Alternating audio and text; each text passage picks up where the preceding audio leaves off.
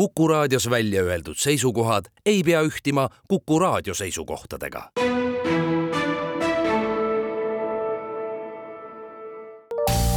terviseks. Saadet toetab Lääne-Tallinna Keskhaigla, vaata ka keskhaigla.ee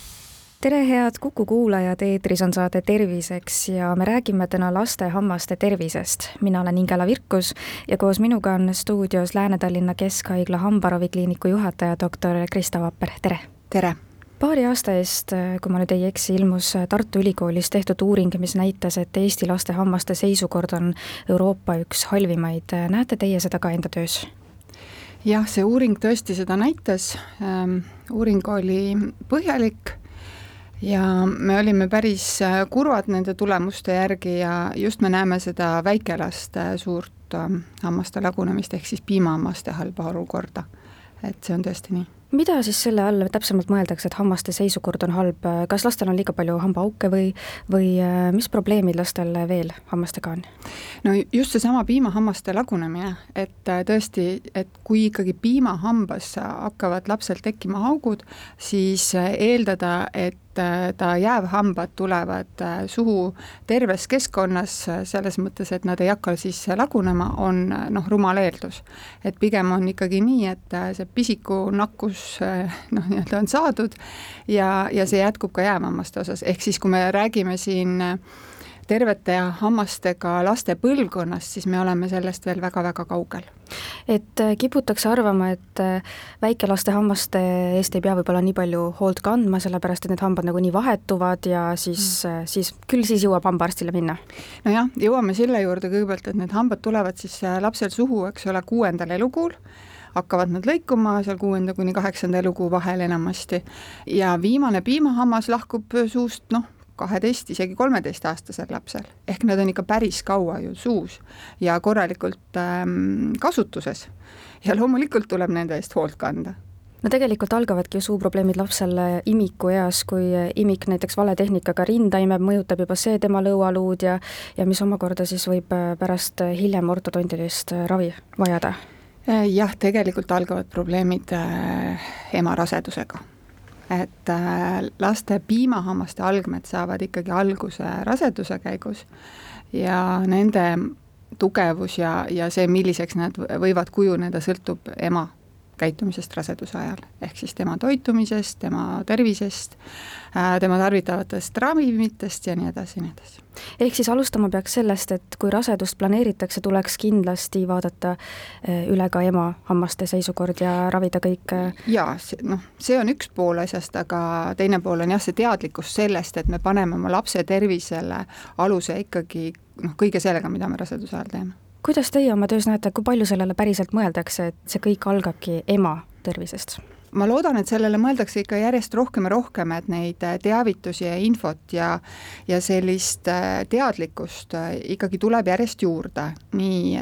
nende spetsialistide poolt, kes rasedatega tegelevad, hambaarstide enda poolt, sest ei ole ju ammu aega tagasi veel ka see, kui meil võis Eestis kohata hambaarste, kes ikkagi täie kindlusega rääkisid, et raseduse ajal hammaste ravimine on rasedale kahjulik, eks, et noh, sellest ei ole nii kohutavalt palju aega möödas. ja see on kurb, eks, et õnneks need asjad muutuvad äh, päris äh, ilusti,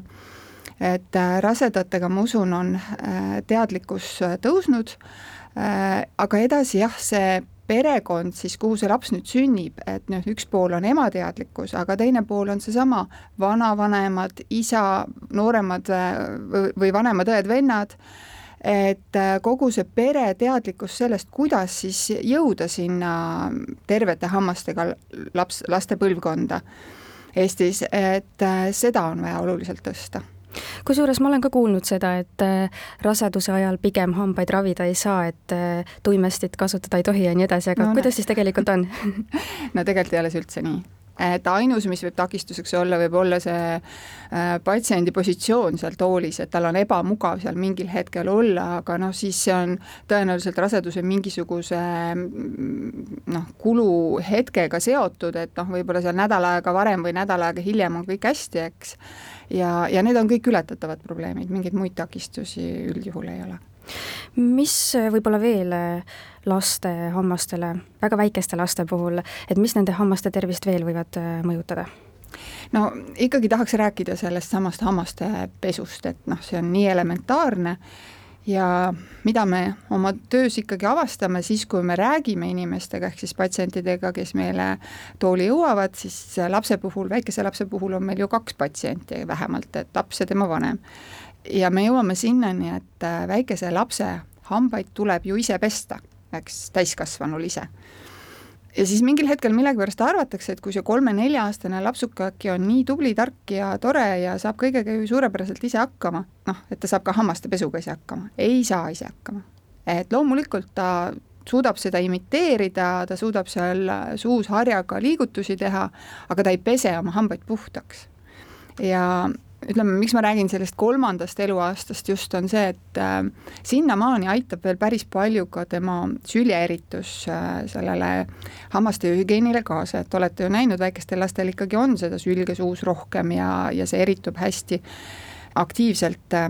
ja sülg on loo-, loomulik kaitsevõime meie hammastele ja suukeskkonnale nüüd äh, hiljem siis, äh, kui muutub ka lapse toidusedel, ehk siis tekivad juurde igasugused näksimised ja võimalused, ta ise saab toidu kätte ja ta saab ise kommikausile ligi ja küpsistele ja kõigele heal-paremale, mida kodus on ja ja tulevad koolist vanemad õed-vennad, kes siis oma söögi ajal pakuvad ka talle midagi ja tema toidukorrad ei ole kontrolli all näiteks.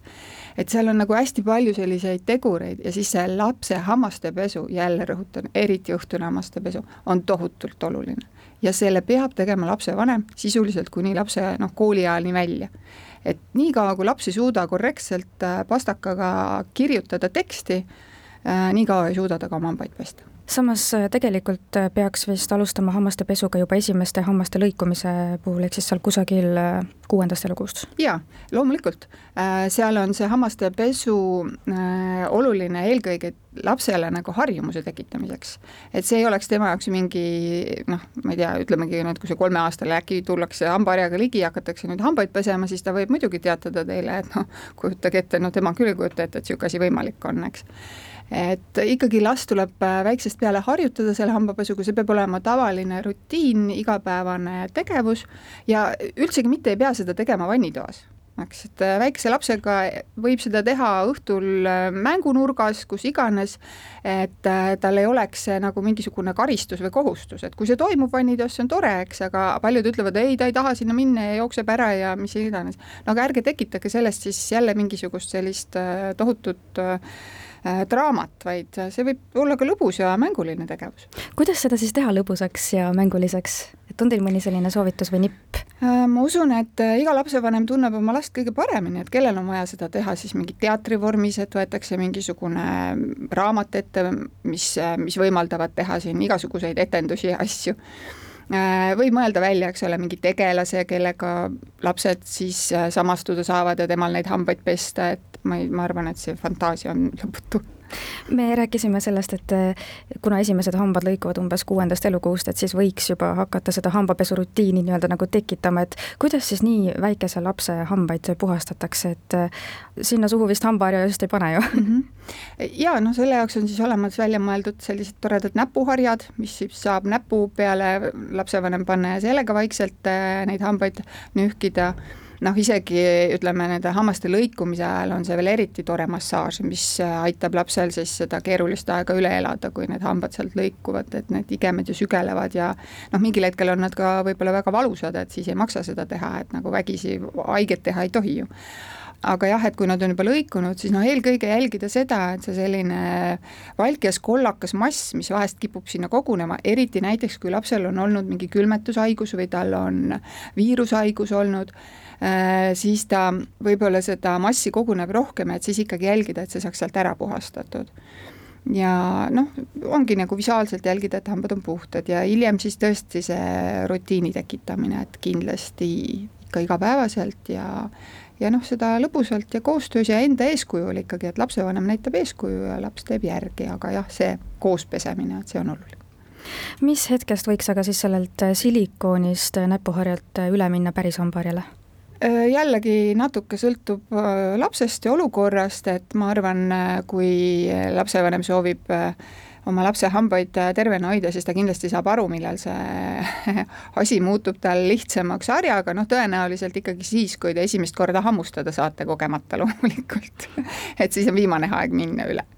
mida ka silmas pidada lapsele hambapasta valimisel, et äh, poes müüakse igasuguseid õunamaitselisi, maasikamaitselisi ja nii edasi, et aga mida tegelikult võib-olla siis äh, koostise osas äh, silmas pidada ja jälgida? no see valik on tõesti tohutu, eks. võib-olla alustada sellest, et tulen jälle tagasi sinna, et see hambapasta päris väikese lapse puhul igal juhul ei olegi kõige olulisem. oluline on pigem see mehaaniline puhastamine ja näiteks, kui ei taha osta seda silikonist harja, võib seda teha ka noh, marlitutikuga, eks, et lihtsalt, et tal oleks natukene sellist karedamat pinda ja et see pind läheb puhtaks. nüüd, kui me uuesti pasta juurde ilmtingimata tagasi tuleme, et on soov seda pastat kasutada, siis Eestis on päris oluline jälgida seda, et kas meil on piisavalt kokkupuudet fluoriididega teatavasti hambapastas üks oluline komponent, juba pikalt äh, tuntud ja teatud head, hea asi on fluoriidid ja nendega tuleb siis äh, nii palju ettevaatlikult ümber käia, et väikelaste pastades Eestis noh, on teda väga vähe või üldse mitte. aga kui me mõtleme näiteks äh, Tallinna elanike peale, siis Tallinna joogivesi, mis tuleb Ülemiste järvest teatavasti ei sisalda praktiliselt üldse fluoriide või noh, on neid väga väikeses koguses. ehk siis meie kokkupuute võimalus mujalt fluoriididega kui hambapastas on minimaalne. ja siis äh, võiks mõelda selle peale, et tegelikult ka selle väikelapse puhul, eriti kui ta on nii-öelda kaariase riskirühmas, noh, siin jälle jõuame, mis on see kaariase riskirühm, et noh, see ei peaks olema teil nüüd oma hambaarstiga, siis näiteks lapsevanema enda hambaarstiga, kui veel väikelapsel arsti ei ole teada saadud, et äh, kuidas see risk äh, teie peres nagu on? No laias laastus öeldes, et kui teil endal või pereliikmetel kellelgi on lähima aasta jooksul parandatud äh, ühte uut hambaauku, siis teie risk on ikka üsna kõrge, eks, et tõenäosus, et see väike laps selle hambaauku tekitava pisiku endale suhu teie perest saab. Mm, seda siis, äh, kui pereliikmed teevad musi suu peale näiteks, et äh, mida no, kiputakse see tegema? on äh, noh, ütleme, see on niisugune võib-olla natuke väiksem risk, aga võib-olla suurem risk on need suhu pistetud lutid ja lusikad, millega last toidetakse, et et see on noh, nii kergelt tekkima Äh, nii et äh, sealt võib-olla alustada siis selle pasta ostmise otsuses, aga jah, et äh, noh, kuna me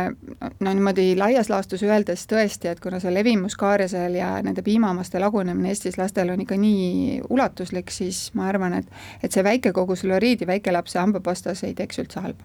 me jätkame oma vestlust juba homme kell neliteist nelikümmend viis. terviseks saadet toetab Lääne-Tallinna Keskhaigla, vaata ka keskhaigla.ee